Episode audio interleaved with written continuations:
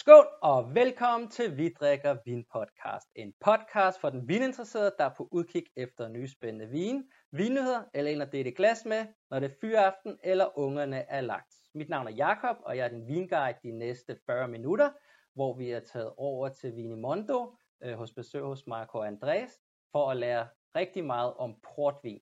Så tusind tak fordi vi måtte komme. Velkommen. Mange, mange tak og vi lader os bare hoppe ud i det. Der står virkelig mange flotte øh, portvin øh, over for os, øh, som vi skal smage os igennem, og vi skal også lære rigtig meget om Porto generelt, øh, sådan så vi har en bedre forståelse for det fremadrettet, og, og det ikke, øh, kan vi sige, også for mit eget vedkommende, komme lidt væk fra det her øh, dessert, øh, skal vi sige, øh, idé om, at det kun det kan gå til det. Det støvede. ja, ja. Øh, få lidt inspiration, øh, hvordan det kan serveres til nogle, øh, til nogle madretter her i Danmark, eller selvfølgelig nydes øh, øh, for sig selv, men øh, det er sådan det, vi skal hoppe ud i og blive lidt klogere på, ja, forhåbentlig. Ja, ja. Så, så tusind tak, fordi øh, vi måtte komme, Marco. Det er fint. Ja, en lidt, øh, måske kort introduktion omkring dig selv, og hvordan du sådan blev ja, altså jeg har, jeg har beskæftiget mig med, med, med, med vin øh, professionelt de sidste øh, mere end 30 år. Som importør og indkøber og sælger af vin. Øh, og øh, har selvfølgelig fået en masse erfaring den vej rundt.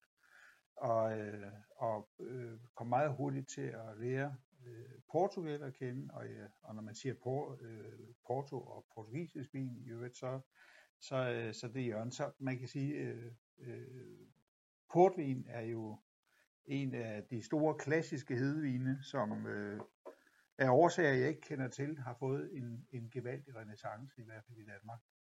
Øh, mærkeligt nok. Det er mærkeligt, fordi de øvrige skandinaviske lande, der hænger det stadigvæk, og er sådan en, en, en absolut niche-ting. Men danskerne har i virkeligheden taget portvin til sig i et omfang, som ingen kunne have drømt om.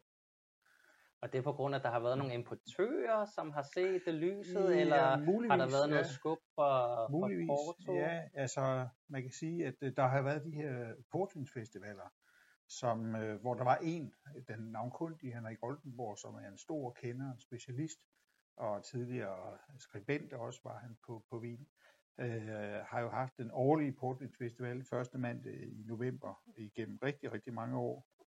Øh, naturligvis ikke i år på grund af det her corona, men, men ellers har det været en årlig begivenhed, og det er så øh, har inspireret andre til at gøre det samme. Øh, så øh, man kan sige at arrangere noget, som er så stort med så mange huse og så mange gæster, det er over tusind gæster, der kommer ind mm. og betaler entré for at komme ind. Det er jo, det er jo i sig selv øh, noget af en bedrift, ikke? fordi der, der er så mange aktiviteter i øvrigt, også på Wien, alle ja. mulige steder fra. Og men det virker også generelt som om, at det er enormt godt prissat i forhold til, hvad kvalitet man får ud af det. Når man tænker på, hvor lang tid det tager at lære og lave i produktionsmetoden. Ja, og, og nu bevæger vi os så ind på det lidt mere øh, smertefulde, fordi øh, det er langt fra sikkert, at det kan lade sig gøre i fremtiden. Yes. Så Portugal er blevet et øh, land, som på, øh, på kort tid er blevet et, øh, et rigtigt europæisk samfund, hvor de også får, har minimumslønninger, og øh, hvor øh, håndarbejde ikke længere kan øh, det kan ikke længere betales øh, med, med, øh, med, med småkager og karameller. Altså, de skal også have, have penge for det. Så det er svært at se, hvordan man kan i fremtiden kan lære kapitalbinde så, øh, så store mængder af vin øh, med, med, med, med en rentefod, som, som ligger betydeligt over vores på grund af de kriser, øh, Europakriser og Grækenlands kriser og alt muligt andet. Der er mange, der er mange makroøkonomiske faktorer, der spiller ind. Men det er svært at se, hvordan det kan lade sig gøre. Og der har også været, som rent socioøkonomisk, der har været en, en konsolidering i portvinsbranchen, så kun de stærkeste, de mest kapitalstærke huse øh, har formået at overleve, og de har så taget de små familieejede huse øh, sådan bid for bid mm. og opslugt dem og taget øh, perlerne og gjort dem til deres, øh, og, og den proces, den vil sikkert øh, blive forstærket øh, i, de, i de kommende år. Ikke mindst i set i lyset af det, vi, vi har lige nu. Ikke? Ja. Jeg hørte nemlig en podcast, nu kan jeg ikke huske, hvem det var, men det var en af de der CEO'en for en af de store huse, Ja, ja. hvor det lød lidt som om, at han så det som om, at han opbyggede sådan en brand-portefølje i forhold til, når han opkøbte de her lidt mindre huse. ja, Altså ja. manglede han, kan man sige, et, et produkt i den her prisklasse og i den her kvalitet, og så havde Ja. han flagskibet, og så Ja. havde han lidt Ja, basis og ja, sådan noget. Det var ja. sådan, han sad ja, og ja. tænkte. Han har højst sandsynligt været på en forretningsskole et sted. Ja, men der er mange af dem, de er, de er selvfølgelig kommet ud af, af, af business schools og alt muligt andet, og Ja. de tænker måske meget på den måde, men, men det er også, det er også en people's business, det er, jo, det er jo mennesker, der driver det her, og de, de bedste af dem er de dygtigste blender, og de mest originale, de, de, de klarer sig i reglen øh, rigtig godt, fordi jo mere konformt det bliver, jo mere strider de her personligheder ud og Mm. levende gør tingene også. Ikke? Det, er jo, det, er jo, det her det er jo i virkeligheden kun en fortælling. Det er en gammel fortælling, fordi at det er så gammelt et produkt, øh, opstået ud af mere eller mindre historiske øh, forviklinger og modsætninger og krige og alt den slags ting. Pludselig så opstår det og får liv, men det er jo igen, det, det er drevet af personligheder, det er drevet af tilfældigheder og drevet selvfølgelig også af magt og pengeinteresser og alt muligt andet, som, som vi kender, men, men det er i hvert fald især øh, især drevet af nogle få personligheder, som virkelig har gjort en stor forskel. Okay. Skal vi hoppe ud og, Ja, lad og os prøve, prøve lidt lidt, i ja. forhold til, og så får vi lidt... Øh, Portvin er jo en, øh, en, en forstærket vin, så det, man starter jo med at, at lave en vin, som om man vil lave en almindelig bordvin, og når vinen så øh, i den naturlige gæring når til en 6-7 procents øh, alkoholvolumen, så, øh, så bremser man sig gæringen med at tilsætte druesprit i forholdet øh, 77 procents druesprit, øh, 110 liter af det til 440 liter most, og så har man rundt regnet en alkoholprocent i, i, øh, i mosten på, på 20 procent, og så standser gæringen, og derfra kan det så øh, gå i alle mulige retninger, men det er sådan, alt portvin bliver skabt. Og portvin er jo sødt, så vi taler om i hvert fald 100 gram restsukker per liter, så det er jo noget, der kan få en ved at buskekirtel til at, sådan at, at, at rokke lidt på sig, ikke? Jo, Så det skal man, det skal man være lidt forsigtig med. Så kombinationen af højt sukkerindhold og, øh, og, og relativt højt øh, alkoholindhold, det gør selvfølgelig, at man får noget, der er meget potent. Øh, men man får også noget, som kan lære og som kan øh, udvikle sig oxidativt over rigtig mange år og udvikle sig øh, og blive gammelt øh, på, den, på den fede måde, uden at blive gammel på den ufede måde. Og det er der ikke ret mange øh, vine, der kan. Øh, så i virkeligheden det der at, at følge en vin over den oxidative udvikling, det er det, der gør mange vine øh, interessante. Vine, som måske umiddelbart er uinteressante, men som lige pludselig får et andet liv. mm. Okay. Det er, jo, det er jo interessant. Og et af eksemplerne er den, vi har nu.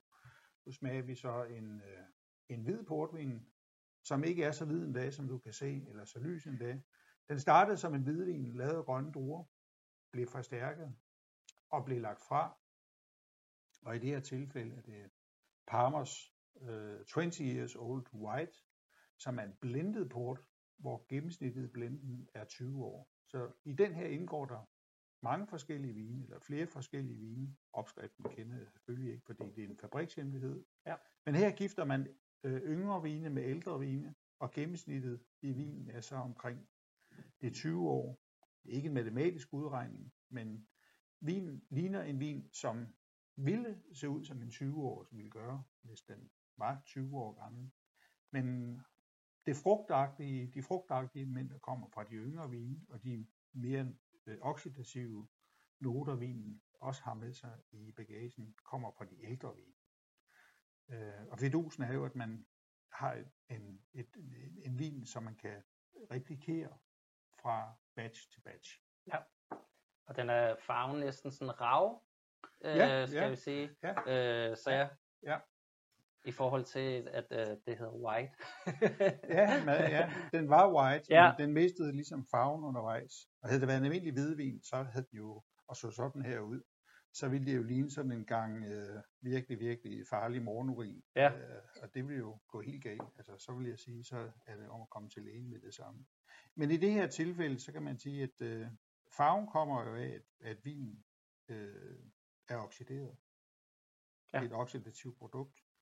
Øh, hvide vine bliver mørkere og mørkere med alderen, og de mørke vine, også de mørke portvine, bliver lysere og lysere med alderen. Så i virkeligheden, der går de hver sin vej. Og på et tidspunkt vil man ikke kunne for, se forskel på, hvorvidt det er en hvid, en vin, der startede som lys vin, eller mm. mørk vin, fordi de går hver sin vej. Så de passerer hinanden på ja. et tidspunkt. Og man har det her lidt sviskede, rosinagtige, ikke? Jo, man har druen. helt sikkert. Men alkoholen er sådan, den er ikke distinkt, den skærer ikke i næsen på nogen som helst måde. Det er meget pænt afdæmpet del, ikke?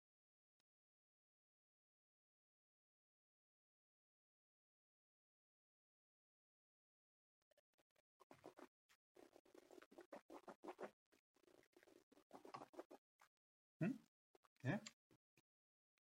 Virkelig lækkert. Jeg ved ikke, om det er, ja, det er sådan lidt øh, et krydret element. Udover det, øh, det er sådan svisket og vand, skal man nærmest sige klassisk. Øh... Ja, de tørre, de tørre elementer, som også er i vinen, kommer fra træet. Vinen modtager noget tannin fra træet også, som gør, at den får den her balancerende rohed. Det er jo, når man, når man når vin den udvikler, øh, udvikler kompleksitet. Man har sødmen på den ene side, man har mere fri syre, som balancerer sødmen, og så har man også træet, der spiller med. Mm. På samme måde, som man kender det fra en cognac for eksempel. Ikke? At man har nogle af de her fadenoter med, som ikke er søde fadenoter, men som er øh, lignin øh, lidt mere sådan øh, tannisk, lidt mere rustik karakter, ikke? Ja. men ikke sødme og ikke kokos, den slags ting, som man kender fra borvin eksempelvis. Og så kommer allerede mit øh, første spørgsmål som en novise. Serveringstemperatur. Er, det, er der nogle regler i forhold til ja, videre ja. klassisk, eller bare kælderkold, og ja, hvor man... altså have dem i, have dem i, i køleskabet, især de hvide, dem i, ud af køleskabet, ja. og de skal hurtigt komme op. De kommer hurtigt op i temperatur. Ja. Så hellere en vin, der er koldere, øh, for kold, end en, der er for varm. Fordi jo varmere vinen er, når vi taler vine omkring, med et alkoholindhold på omkring 20, så stikker alkoholen altid af. Ja. Det vil altid være forstyrrende, hvis, hvis øh, vinen er for varm. Virkelig lækker. Alkoholen er jo, hvad skal man sige, den er jo nødvendig at med øh, på grund af holdbarheden, og også produktionsteknisk er det også for at de druer, man bruger, når man, når man, når man laver portvin, har en tendens til altid at være for overmoden. Det er altid vine, som er lidt for, øh, druer, der er lidt for overmoden. Og, og har man det, så har man også åbnet en ladeport for alle mulige hvad skal man sige, ulykker, der kan opstå, sådan øh, vinifikationsteknisk karakter. Og jo mere alkohol man tilsætter, jo, jo mere, jo renere bliver vinen også, sådan rent bakteriologisk på den måde der. Ja. Ikke? Og, øh, det er ikke nogen hemmelighed, at øh, når vi taler om høst og så videre, så øh, øh, det er ikke alle, der er lige grundige. Og de, og de ulykker, man, man laver, de fejl, man begår under høsten, hvor hurtigt man får druerne ind, øh, kan til en vis grad, hvad skal man sige, øh, maskeres, hvis man, hvis man tilsætter meget alkohol. Men på et tidspunkt, der melder de sig. Der, altså, der, der bekender vinen kulør, hvis man kan sige det på den måde. Ikke? Og hvad står sådan her i, hvis man må spørge? Øh, den her, den koster en butikspris. Ja, hvis man sidder derude og lytter og tænker, jeg vil tro et, et par hundrede kroner, 225 der omkring. Og så er vi lidt tilbage ved den igen. Vil det kunne lade sig gøre, hvis man skal fremskrive, altså sige, de vine, man lægger til side, med en, øh, en årlig, hvad skal man, man taber altid lidt, fordi der er en fordampning ja. fra fadene. De fade, man, man, man modner de her på, er ikke meget store fade, men fade på en 6, 5, 6, 7, 800 liter. Øh, håndladet selvfølgelig. Men det er klart, at man mister hele tiden 3-4 procent alene i fordampning. Ja. Øh, og, og det sker. Så der er et, et, et konstant tab. Og øh, hvis man skulle lave en fremskrivning på, ud, på udgifterne, bare øh, forrentningen af den vin, øh, altså, jeg har svært ved at se, hvem der vil kaste penge i det. Mm. Og så sige, men øh, vi, vi, øh, vi smider penge i det her, og så får vi dem tilbage igen om, om, om 20 år eller om 30 år. Eller mine børn eller mine Ja, børn. ja, ja, Altså præcis. det, det, det, ikke- det klinger lidt hul i forhold til den måde, øh, økonomien den, øh, er på i dag. Ikke? Jo, Hvor alt skal, det skal ligesom kapitaliseres lige med det samme. Ikke? Ja. Vi kan prøve en anden hvid også, Ja. mens vi er i gang, over i, mens vi er i det lyse hjørne. Det er, det er en hvid Collieta, og en Collieta er en årgangsvin. Det står på etiketten. Yes. Så i, modsat den anden, som var en blend, så er det her en ren årgang. Og det er så Palmers, øh, Palmers øh, Collieta 2007, altså høståret Yes. 2007. og det er den, hvor at organisationen de klassificerer, at det er et høstår i forhold til kvaliteten af druerne. Nej. Nej, Ikke, okay. øh, det, øh, det er, når vi er over i vintage. Okay, det er vintage, okay. De regler, som, som uh, Portvinsinstituttet afstikker i forhold til det her, Ja. det er, at øh, den er meget mere overgangsafhængig end den her. Yes, Her kan man sådan set genskabe, den her 20-års white, kan man genskabe den samme vin igen og igen på basis af de øh, vine, man har på lager, eller de Ja. farver, man har på lager. Maler man så, forsøger at genskabe det samme billede i, i, i forhold til, til duft, farve og smag. Øhm, hvorimod den her er meget mere overgangsafhængig, fordi det er det enkelte høstår, der, Ja. der skinner igennem. Så hele vinen her er fra 2007 yes. Og den må først frigives øh, i sit 8. år. Så der er altså øh, krav til øh, læringstiden her, og det er for at sikre, at vinen den i hvert fald har et minimums, en minimums læring eller parkering på fadet, for at sikre sig, at den er blevet gammel nok. Og det er Palmer, der udstikker det, eller? Det er Portvinsinstituttet, Det er- som okay. også administrerer øh, de konti og de her garantistempler, Ja. som du kan se, der er på det her. Yes, Øh, øh, tillid er godt, kontrol er bedre. Og de har været der utrolig mange år, ikke? Ja, Fordi ja. jeg mindes ikke, at jeg nogensinde har set en portvin i Danmark i hvert fald uden... Øh... Nej, altså øhm, i gamle dage, indtil 1984, kunne man stadigvæk øh, eksportere, eller også var det 82. Det, det er jeg ikke lige helt øh, skarp på, men øh, man eksporterede tidligere i bulk, det vil sige yes. på fade eller på tanke, og så kunne man så tabe dem rundt omkring øh, hos vinhandlere og øh, store aftappere. Den praksis, den forbød man, fordi man oplevede, at der var for mange uregelmæssigheder, kvaliteterne svingede for meget. Og derfor fik man så øh, godkendt, at man øh, også øh, senere hen i EU, at, at vinene skulle være originalaftappet. Så hvis det skal være portvin, så skal det være originalaftappet, og det skal være forsynet med det her garantistempel, som har et løbenummer på, som henviser til en konto, som både øh, beskriver, hvem øh, der er producenten af den, men også hvem den er solgt til, i hvert fald i første omgang. Så det er sådan en form for traceability eller sporing, øh, som, som kører der. Ja. Og øh, portugiserne er jo dygtige øh, byråkrater. Det er jo en gammel kolonimagt, øh, så de har udviklet virkelig tæft for kolonnebøger og, og øh, have alting i notatform. Så det, det er øh, en af de portugisiske spidskompetencer. Yes. Og hva- hvad med sådan produktionsmæssigt i forhold til hvid portvin, i forhold til, skal vi sige, blå, rød portvin? Så er øh, de hvide i mindretal. Okay, Ja, heldigvis for det. yes. Der er sådan en form for, hvad skal man sige, der er en, en, en, en, øh,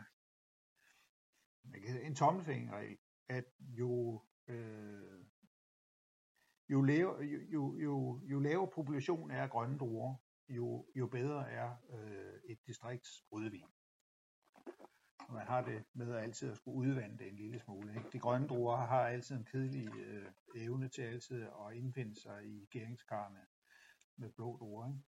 fordi de ofte er billigere. Okay, Men her er de i markant undertal. Ja.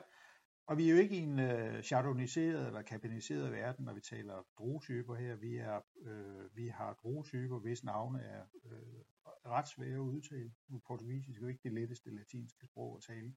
Men det er druetyper, som er svære, og som går igen i andre portugisiske distrikter under andre navne. okay. Så det er lokale stedbundne druer, som man altid har brugt. Og ofte har det jo været sådan, at man har dyrket de her druetyper indbyrdes. Øh, det hedder smukt, på meget smukt nydansk, øh, eller nyengelsk, så hedder det field blends. Men det har været en, faktisk en praksis, at man ikke har benyttet sig af monokulturer, fordi monokulturer altid afstedkom en masse plantesygdomme. Mm.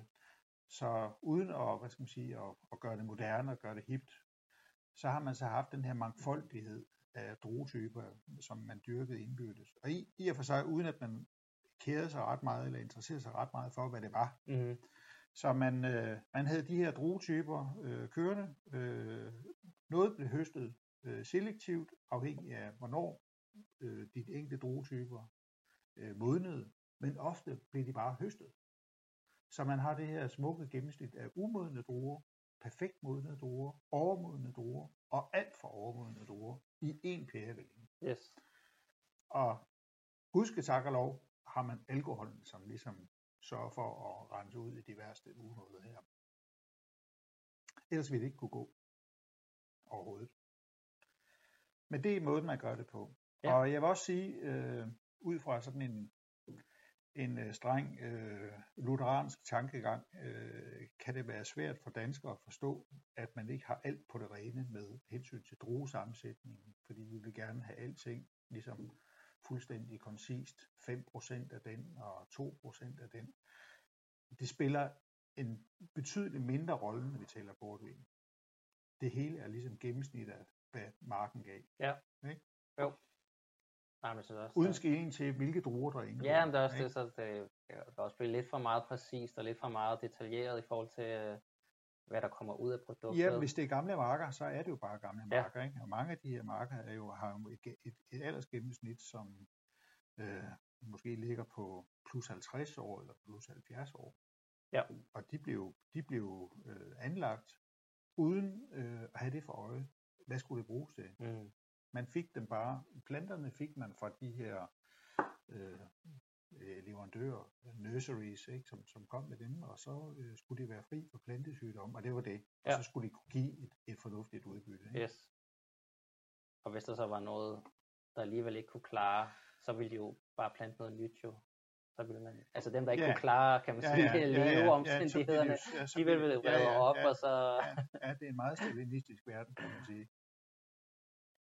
De fik jo lov til virkelig at, altså, at være drue derude, og øh, vinplante derude, er jo er et mareridt, ikke? Altså, øh, man bliver krænket fra morgen til aften, og 365 dage om året, fordi øh, om sommeren er det et varmt helvede, øh, om vinteren er det koldt, der kan være frost, ikke? Jo. Øh, der er en, stort set ikke nogen nedbør, når, jo, når man kommer et godt stykke ud, så er det fastlandsklima. Øh, det er det bedste område. Det bedste område er, hvor øh, nedbøren er, øh, er mindst. Længst op mod Spanien, som ligger højt, og øh, som har typisk øh, fastlandskarakteristika. Øh, og jo tættere man kan plante de her øh, vinstokke øh, per hektar, jo dybere skal de finde øh, rødderne ned øh, i, i, i den her øh, skiferundergrund, som er meget mager. Ja. Vokser stort set ikke andet. Så det er, det er noget af en bedrift. Det er kun vin, der kan klare sig derude. På den her, der får jeg sådan lidt mere sådan saltet toffee-note, synes jeg. Ja, ja. Øh, Den siger også noget mere, ikke? ja, det må man Ja. sige. Ja.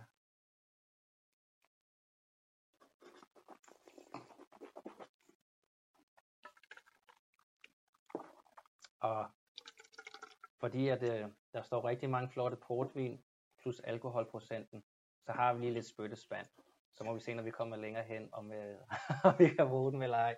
Ja, jeg holder øje med dig. Ja, Marco General, hvordan, øh, hvordan er du kommet ind i sådan portvin, kan man sige, som kan man sige passion selvfølgelig. Er, er øh, starter man der, eller starter man i Bordeaux, eller i Piemonte, og så kommer man lidt derhen af, mm. eller er der sådan en... Ja, ja det, er, det er svært at svare på. Ja. For mit eget vedkommende var det øh, tilfældigt. Helt tilfældigt. Jeg var i gang med at, at tage en anden uddannelse, og, øh, og stoppe med det, og, og komme aldrig videre. Øh, og det er noget, jeg selvfølgelig har stusset over og tænkt meget over. Og der er mange i den her branche, som er sådan lidt nogle halvstuderede øh, røver. Og, øh, det, øh, det er lidt mærkeligt. Der er mange. Det, der, der er virkelig mange, som kommer med øh, andre uddannelser, anden baggrund. Fælles er nok, at øh, der er den her interesse for vin, og man møder mange mennesker, man, øh, og der er mange oplevelser. Mm. Ikke? Det må man sige. Mange oplevelser. Der er meget, man kan tale om.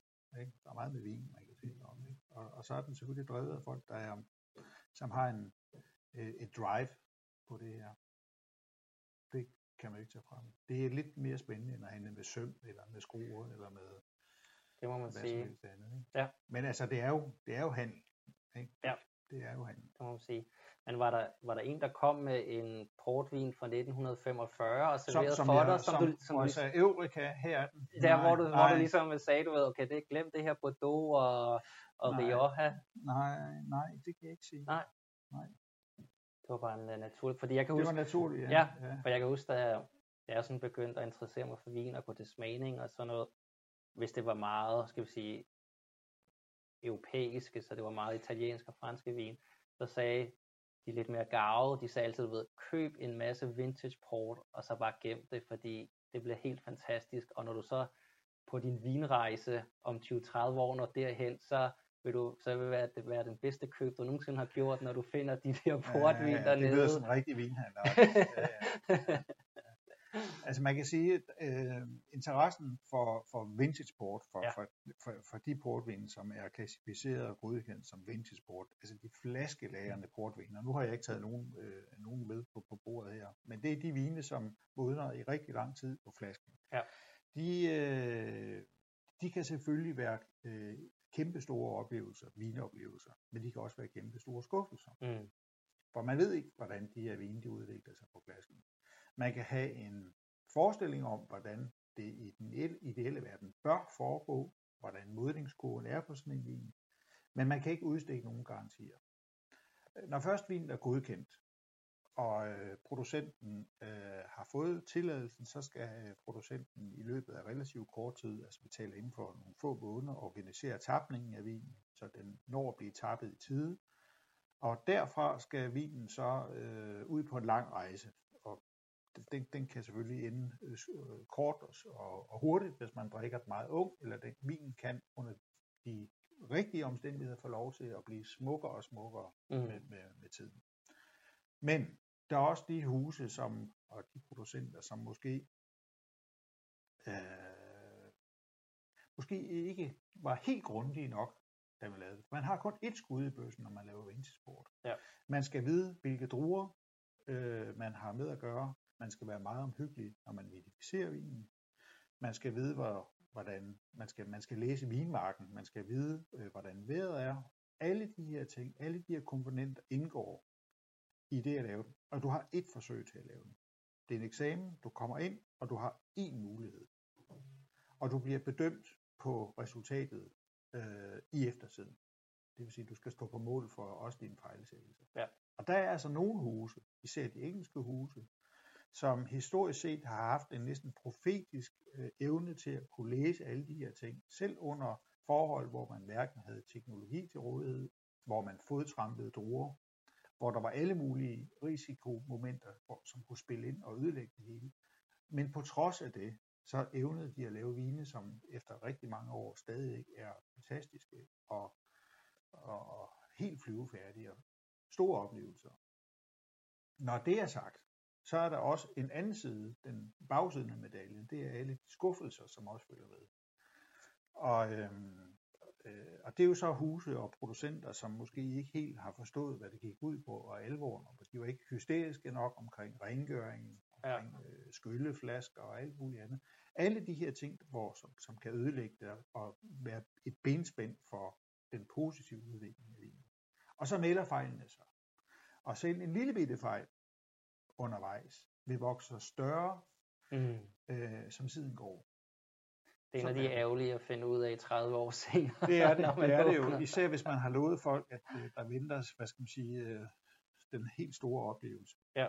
Og, øhm, Så det og skal- det er det. Det, det er ligesom alt andet vin, man må lære producenten at kalde lidt og Ja, lige kende, præcis. og ja, Og når det- først øh, garantistemplet er kommet på, kan man ikke gå ud og kalde det tilbage og sige, vi klipper pladerne på det Mhm. her, fordi beklager, venner, det, Ja. det gik ikke, som vi forventede. Se i bagspejlet og er søforklaringer. Så, så virker det ikke. Nej. Og derfor er de engelske huse øh, især, øh, de har været rigtig, rigtig dygtige til både at lave vinene, men de har også været rigtig dygtige til at markedsføre de her vine. Især mod det, det gamle engelske marked, hvor englænderne jo havde et naturligt hjemmemarked. Det var jo sådan, at historisk set øh, blev englænderne inviteret ned, og englænderne var medskaber af portvin. Det var de engelske handelsfolk og vinfolk, som skabte portvinen.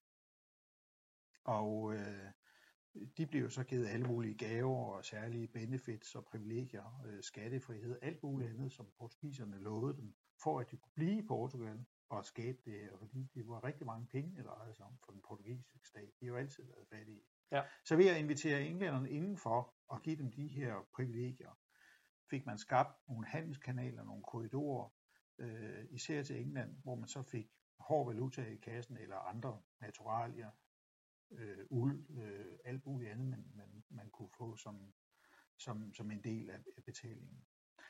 Øh, de portugisiske ejede huse, og under dem der indregner jeg også de hollænder og tyskere og nordmænd og danskere, som dukkede op dernede, fordi de, øh, der var mange, som var interesseret i, hvad var det, der, for, der foregik? Der foregik den her handel lige pludselig. Der blev lavet øh, Methuen-traktaten mellem England og Portugal, som var øh, meget værdifuld, både for englænderne og for portugiserne. Og vi havde haft Hanse, øh, Hanseforbundet i, omkring Østersøen, som var især med sild og den slags ting der.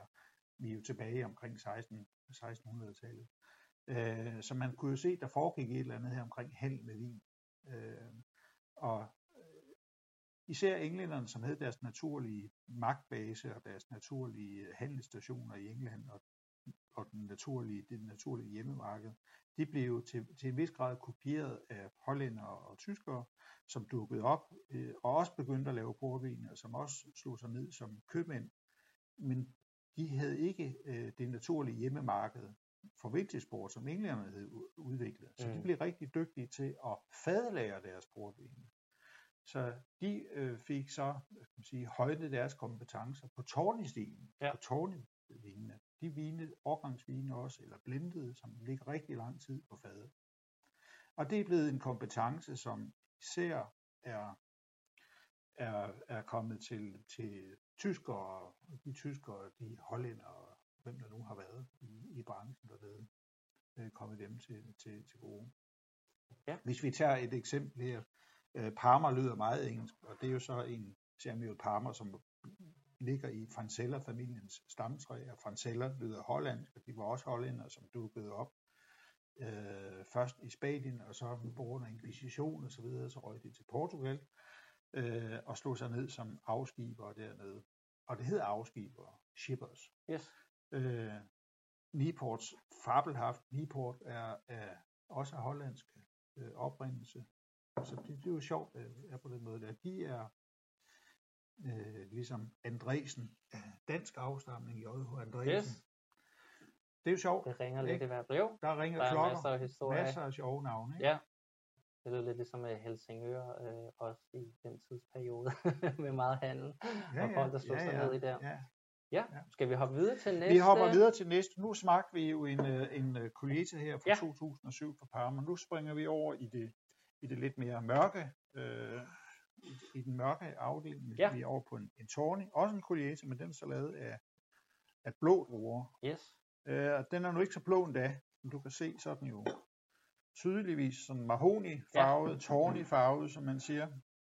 Så det her, det er en, en uh, Colheita en årgangs tawny. Høstet i 2004, og i det her tilfælde blev den tappet i 2018, så den har været to år på flaske. Og generelt hvid og rød, hvad, hvad drikker, eller hvad spiser man, eller drikker man det til nede i Portugal normalt? Øh?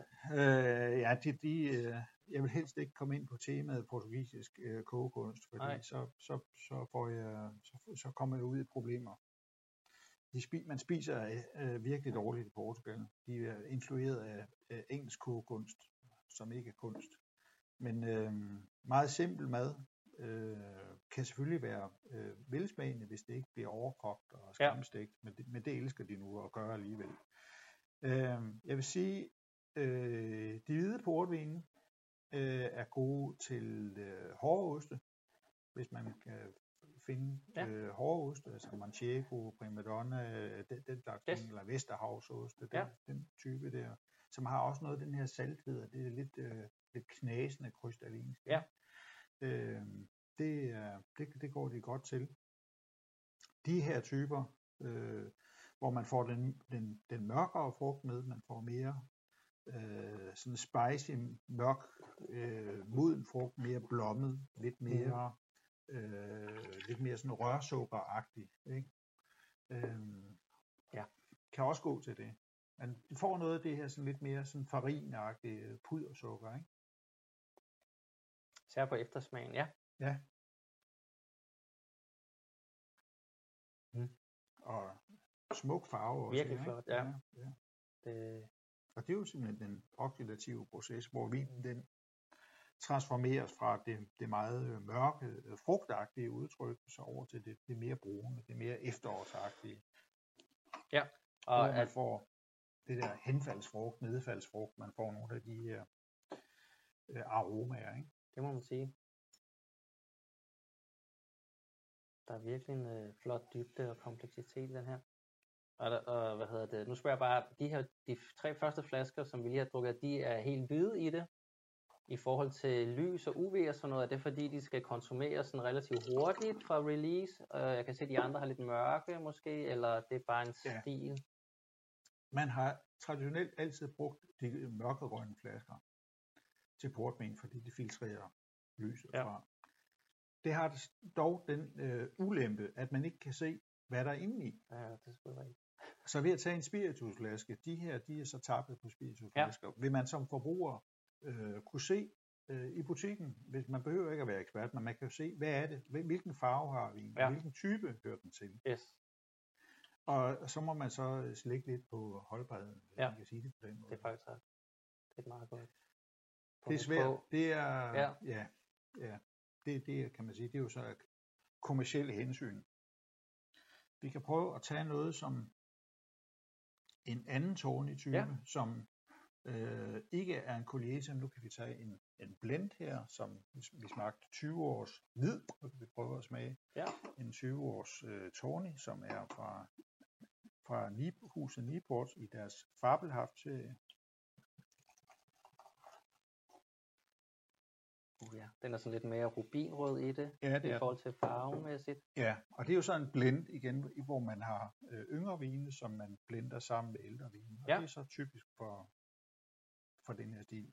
Og huset skal så øh, kunne holde øh, den samme, øh, bevare og holde det samme udtryk.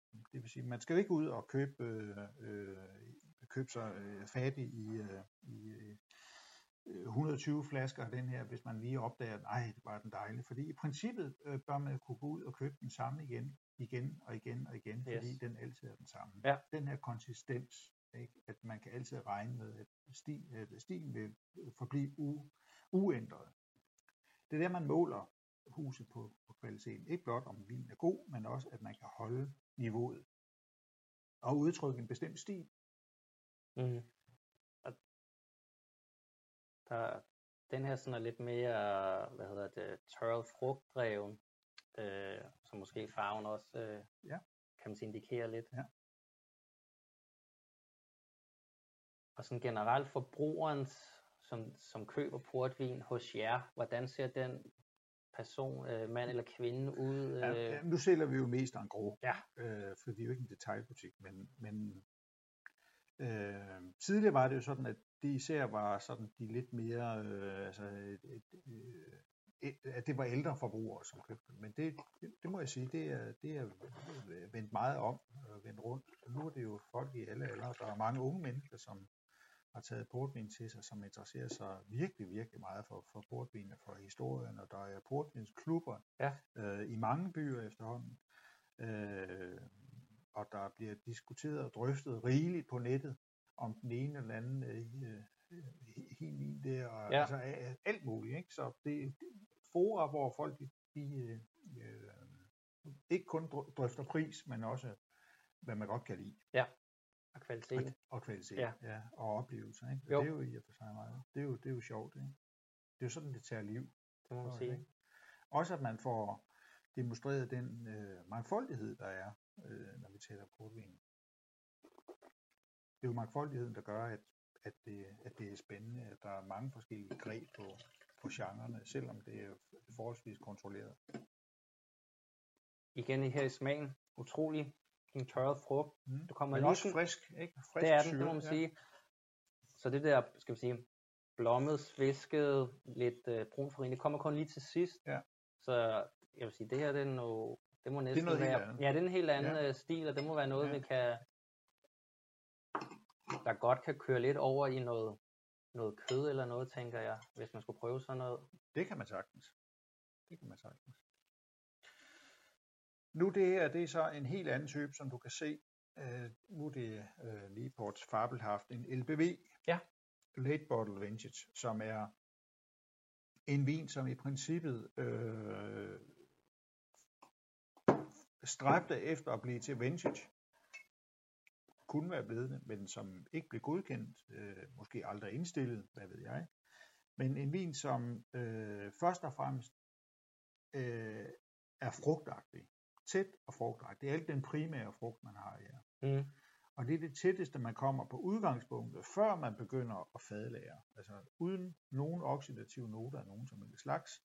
Ufiltreret. Øh, purbrød. Ikke? Jo. Virkelig, virkelig purbrød. Altså det, det her det er Utrolig flot. 2015. Den er stadigvæk meget ungdommelig i farven, selvom vin den er, det er fem år siden, den blev høstet. Mm. Og de vine her er modsat tårnene. Øh, der er de opbevaret, man kan sige lavet, men de er i hvert fald opbevaret på meget store vats på 15-20.000 liter. Netop for at undgå, at de øh, antager sådan oxidativ øh, udvikling i både farve og duft. Ikke? Ja. Så, øh, der er overfladen i forhold til rumfanget, øh, hvad skal man sige, på frugtens side. utrolig lækkert. Går man meget op i, i forhold til, altså nu står der 2007 og 4 og 15, er det noget, man diskuterer sådan en årgang, Ja, eller ja, ja, er, ja. hvis man står og skal vælge at købe en 2007, 5 eller 4, men, eller er det, Årgangen betyder rigtig meget. okay, ja. Når vi taler blends, selvfølgelig ikke, fordi der udvisker Ja, ja, ja. ja. man de her ting, og det kan man sige, det er jo det, der er fordelen ved det. Men ellers så, hvis, det er, hvis vi taler om Collieta, måske Collieta i mindre grad, men når vi taler LBV og vintage, så er årgang, den har meget stor betydning. Igen, for man har kun man har ikke mulighed for at blinde sig rundt i ting. Men du kan blinde, øh, du, øh, du kan tage druer fra forskellige plots på dine vinmarker, men du kan ikke skille vinen ad bagefter. Du kan ikke dissekere noget vin ud, og så sige, så tager vi kun noget af det her. Den bliver indstillet, den bliver plomberet, og så er det det. Så må du håbe, at den, at den, at den rammer Ja, inden ja, for ja. skiven. Ikke? Det, nu er det min spørgsmål. Hvordan hopper man som vininteresse ud i portvin og dens verden? Men jeg vil da sige, at det her det er da et fremragende sted at starte. Altså, Jo, jo, jo. der- Og det er stadigvæk, altså, det det er jo ikke, øh, det er jo ikke Petrus-priser, vi taler om. Jeg vil sige, øh, hvis man går efter standardtyperne, almindelige Ruby, Tawny og White, Ja. der, er, øh, der er forskellen ikke så stor fra hus til hus. Det er jo ligesom det, der bærer det hele, og udgør måske omkring 20% af he- hele den volumen, som, som, også, som også er øh, øh, en del af den her portvinsindustri. Så en standard white, ja, rimelig øh, forglemmelig, standard tawny, standard ruby, rimelig forglemmelig vine. Ja. Men går man lige et skridt øh, længere op, en reserve tawny, eller en reserve ruby, eller en LBV, eller en Collier, eller en 10 års, så, skal, så får man faktisk meget for pengene. Rigtig meget for pengene. Den er utrolig lækker, den her. Mm. Den, øh, den kan jeg rigtig godt lide. Og hvis man sidder sådan og gør det, kan man sige, ikke har noget mod kraftig rødvin, så vil jeg sige, det her, det, det er i hvert fald derhen Mhm. af, og, og, og en god måde at hoppe ind i det på. Øh, Absolut det mest Ah. vinøse. ja, jo, er du Det, der kommer tættest på en, på en, på en, på en, en, en, en meget kraftig Ja, øh, præcis. rødvin. ikke? Ja, ja, vi, Men, vi er øh, over lidt, i... lidt nedkølet, så kunne man sagtens gå. Ja. Og, og kigger man til en helt ung vintage, som man siger er barnemor, så vil det også være noget, man snilt kunne øh, tage øh, og, og, og trække op til en peberbøf. Ja. fordi den har frugtsyren, den har tanninen, den har selvfølgelig høj alkohol, men den har den der massive frugt. Virkelig tæt pakket frugt. Jamen, det, ja, jeg sidder også og tænker på mad. ja, og sidder ja, ja, og smager den her. Og, og, og sødmen er ikke så markant. Altså, den har måske 105 gram restsukker. Det er jo virkelig, virkelig meget. Den er virkelig holdt. Men det er ikke noget som sådan, øh, det er ikke noget, man fornemmer som sådan en, en kvalmende, øh, Overhovedet ikke. øh, uharmonisk ting. Der er sådan lidt kryddernoter også her på Ja. ja. sidst på paletten. Ja. ja. Ja, virkelig lækkert. Så det er ja. Nu ved jeg selvfølgelig ikke, om det altid er sådan med, det er jo også forskellige vine. øh, Hvordan husene er jo, selvfølgelig, jo, men, men, men, men øh, øh, hvad skal man sige, typemæssigt. generelt typemæssigt, så, så ja, ja. ja. Fedt. Ja. Og hvor hopper man så videre hen, når man... Øh, herfra, Ja, jamen så har vi jo altså, tog noget af det sådan lidt, lidt gamle med for at, at springe godt tilbage i historien. Og Ja. Det er jo sjovt, at man nogle gange, nu tog vi lige øh, en side, en, en, en afstikker til det meget, det meget frugtagtige, for lige at få den med også. Ikke? Hvis vi går tilbage til det helt gamle, yes. noget 90 fra Sitter Silver i deres mærke, der hedder Presidential. De er måske mest kendt i Danmark for øh, et, øh, et, øh, et mærke, der hedder Dalva. Øh, Det her, det er... Kan du have det der glas? Eller? Øh, du, får det, du får det over i det Ja. her. Vi skyller bare lige en gang. Yes. Så kan du lige skylle den der. Så kan du se. Utrolig flot farve. Ja. Wow. Og den er tappet, øh, den er tappet i år. Ja. Så det er en vin høstet i 90 og tappet i 2020. Så det er en vin, der har tilbragt 30 år på fad, Yes. hvilket er en, øh, altså, det er et menneskeliv. Og det er jo sjovt, at man kan smage noget, som er så gammelt. Jeg ved godt, man kan finde gamle, øh, gamle Bordeaux-vin, eller gamle øh, Bourgogne, eller gamle øh, Barolo, eller Ja, noget, ja. Som, som også har alder selvfølgelig. Ikke? Men det er jo ikke så tit, at man smager på noget, som er sådan 30 år gammel, altså, Det må man sige. Eller 50 år gammel. Altså. Det er jo virkelig mærkeligt. Men det er vel takket være, kan man sige, det store sukkerindhold, at, at det ligesom kan holde Ja, sig lige præcis. generelt, Ja, øh, lige præcis. ikke? ligesom med Ja. Madeira og den, Ja, øh, så ja. ligesom at, Men det er lidt anderledes, fordi Madeira er, er jo varmet op. Vinene, øh, Madeira-vin bliver man, øh, varmer man op, så den har sådan en, fået sådan en, en, en termobehandling. okay, Man varmer vinen op til cirka øh, 60 grader i tre måneder, og så er den ligesom fixeret i, i den tilstand, okay, ikke? som giver den den der lidt brændte ting, Ja. øh, brændte note. Ikke? Øh, men det, det sker så ikke her, men Nej. altså, selvfølgelig med det er også en forstærket vin, men den har det der, øh, den er jo sådan lidt prækogt, ikke? så var det klart, at den kunne klare blive sejlet rundt om verden. Det var sådan, det skete. Ikke? Den blev varmet op på dæk, ja, på mørke, sorte, tjærede dæk, hvor tønderne lå. Der undrede man sig over, hvorfor vinene ikke blev dårligere. Mm. Altså, øh, de kom til et, øh, det her udviklingstrin, hvor de var blevet varmet så meget op, og derfra så blev de faktisk ikke dårligere. Mm. Mm. De blev ikke til vinedike, som man ellers skulle forvente. Hvorimod de fade, der lå øh, under dæk, Ja. Øh, nede i lasten, de udviklede sig øh, til, til ren hvide- vinedike, ikke? fordi man ikke vidste, man var jo ikke klar over, hvad Nej. havde ikke, Nej, var, det ikke det. på, var ikke på pletten. Hvad man ikke ville gøre for alkohol dengang. Ja, det var en del af, af, af rationen for alle sømænd. Ikke? Ja. Og den her, den begynder også at have sådan lidt øh, kontaktlim, ikke? Den begynder at blive sådan en lille smule spritet og sådan lidt ja, apotekeragtig, ikke? ja, Og det er når alkoholen også begynder at oxidere. Ja. Så får man nogle af de her sådan lidt volatile øh, elementer, ikke? Som er karakteristiske for gamle vine. Og kan man ikke lide dem, så skal man selvfølgelig holde sig fra det. Men der er sådan en, der er de her øh, sådan lidt lak, lakagtige acetone, mm. øh, de her ting. Jeg tror i virkeligheden mange af de her øh, hipstervine, naturvine og sådan noget, ikke? altså naturvinsproducenter, som sætter en stor ære i, at, det, at øh, vildskaben øh, Ja. og, og vildgæren, den får lov til at udtrykke de, de mest øh, øh, skal man sige, fla- flamboyante del af, af naturpaletten. Ja. Noget af det finder man også her. det må man sige.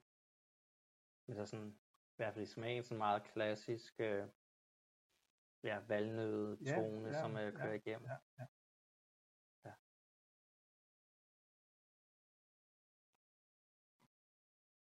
Men utrolig flot farve.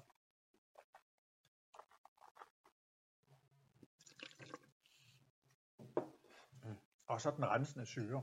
Den fri syre, som stiger og stiger og stiger, men aldrig nogensinde øh, får magt til at gøre det ind i vinen.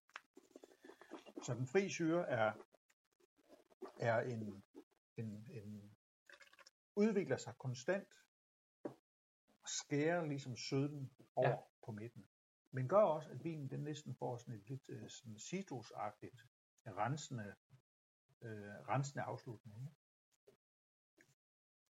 Jeg altså vil sige generelt, det er ikke fordi, at man sidder og føler, altså, er det sådan noget sødt slikagtigt, man er ude i. Altså, Nej, det er jo alt, nej, alt er nej. holdt øh, Ja. i, i super balance. Og utrolig flot farve. Når man skal sidde og nyde Ja, ja. udseendet på, på portvinen. Ja. Øh, generelt sådan, hvor meget der bliver produceret dernede, og, og hvor meget der kommer ud, det er jo selvfølgelig meget svært, især når, når det ligger på store fade, der bliver tappet, og noget bliver sendt ud. Og sådan noget, men efterspørgsel og udbud, er det nogenlunde i balance? Og så må folk selv gå ind og Øh, google, hvor meget der sådan er. Ja, ja, Eller er det ligesom man ser med whisky og alle de her Isle of Man, hvor at det hele nærmest bare bliver, øh, bliver solgt og røget ud, at det, at det er svært at... man forsøger, øh, man forsøger at styre produktionen en lille smule ned ved at øh, understøtte, øh, eller øh, lægge en, en, en buffer ind omkring prissætning. Okay. Der findes flere mekanismer, som øh, alle sammen øh, bidrager til, at man kan at man ikke går ud i, løber ud i sådan et frit fald på, på priserne, fordi det vil være ødelæggende for alle. Men man, må selvfølgelig heller, man skal selvfølgelig holde sig til lovgivningen. Ja. Øhm, hvert år kan man øh, bestemmer man, hvor meget druesprit man allokerer til fremstilling af portvin. Og der er en, øh, og det hedder beneficio.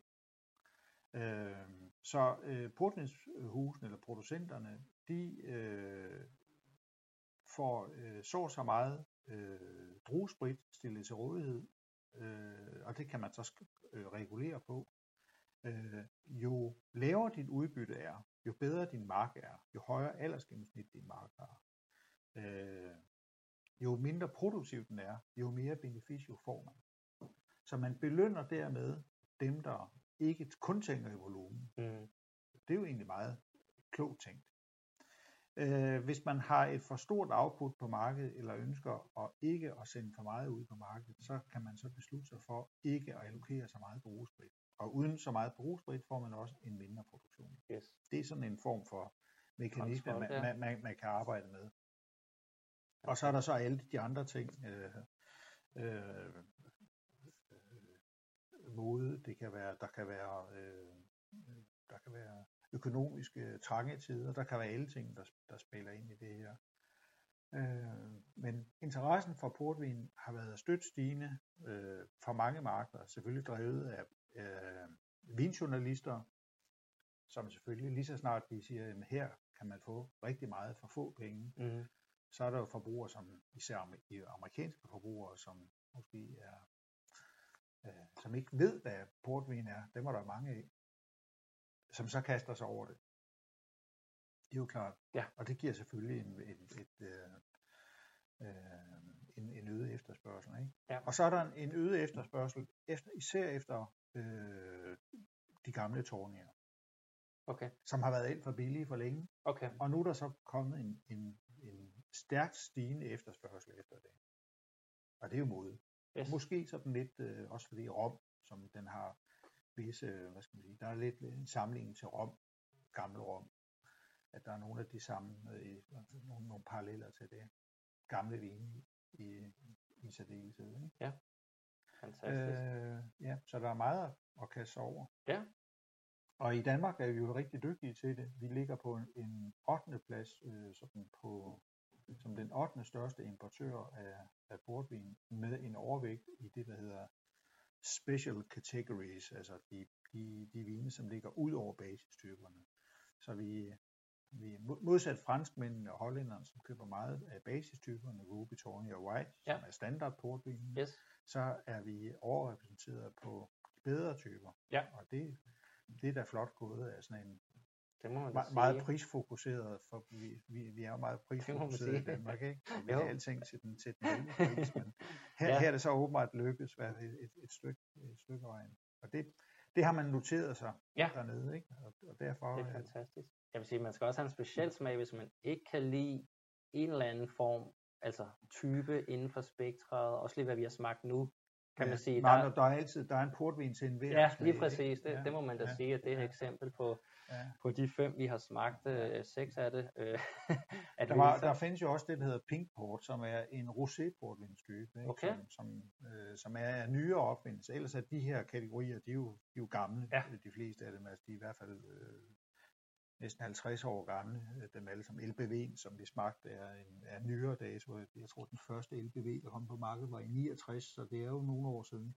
Men Pink Port, altså en rosé-portvin, var noget, som kom for omkring øh, 8-9 år siden, og som skulle trække unge, øh, især yngre, øh, unge piger, øh, forbrugere ind Ja. mod portvinen, som havde sådan lidt støde, sådan lidt øh, øh, boardroom-agtige ry. Ikke? Ja, Og det, det, det er der også mange, der drikker. Måske bruger man det til at mixe med andre ting, jeg ved det ikke. Ja. Men, øh, men, øh, men det, det, er, det viser, at der er en, en form for innovation. Man kan, man kan så sige, at de er ikke så spændende, fordi de er ikke så komplekse. nej. Det kunne man godt tænke sig til. Lyserød portvin. Ja, Ja. hvorfor ikke? Yes. Men øh, jeg vil bare sige tak, fordi at jeg måtte komme forbi, og lytteren og, og Ja. især jeg er også blevet utrolig klog øh, på portvin og, og de forskellige øh, typer og historien bag dem, også som sagt. Ja, der er mange ting at, Det må man sige. Det, det virker også som om, at øh, hvis man først hopper den vej ned, så kan man også fordybe sig utrolig meget. Øh, også bare historien i hvert, øh, i hvert øh, hvad hedder det, portvinshus. Øh, Ja, historie og tragedier i et. Ja, ikke? ja. Øh, og så kan man sige, så, så ligesom vi lige, der lige blev nævnt før, at der er en, der er en type til, hvad man er til, så at Ja. sige. Så det, det er bare med at, at hoppe ud i det. Jeg mener også faktisk, der er en eller to portvinsbarer i København, øh, som Ja, ja, kun, kun, kun Ja. serverer sådan, så at hvis man føler sig lidt bange for at hoppe ud i en hel flaske, øh, så kan man gå derind og prøve at få lidt vejledning øh, og smage, øh, så, ja, til hvad man godt kan lide, og så hoppe ud i det der. Helt bestemt. Øh, og med smagninger også, man kan gå til, og portvins banko, der er alle mulige mærkelige sjove ting, Yes. som, som uh, man kan kaste sig ud i. Yes, men lyst. så vil jeg bare sige skål, og tak fordi Skål. at du kom forbi. Det er muito obrigado.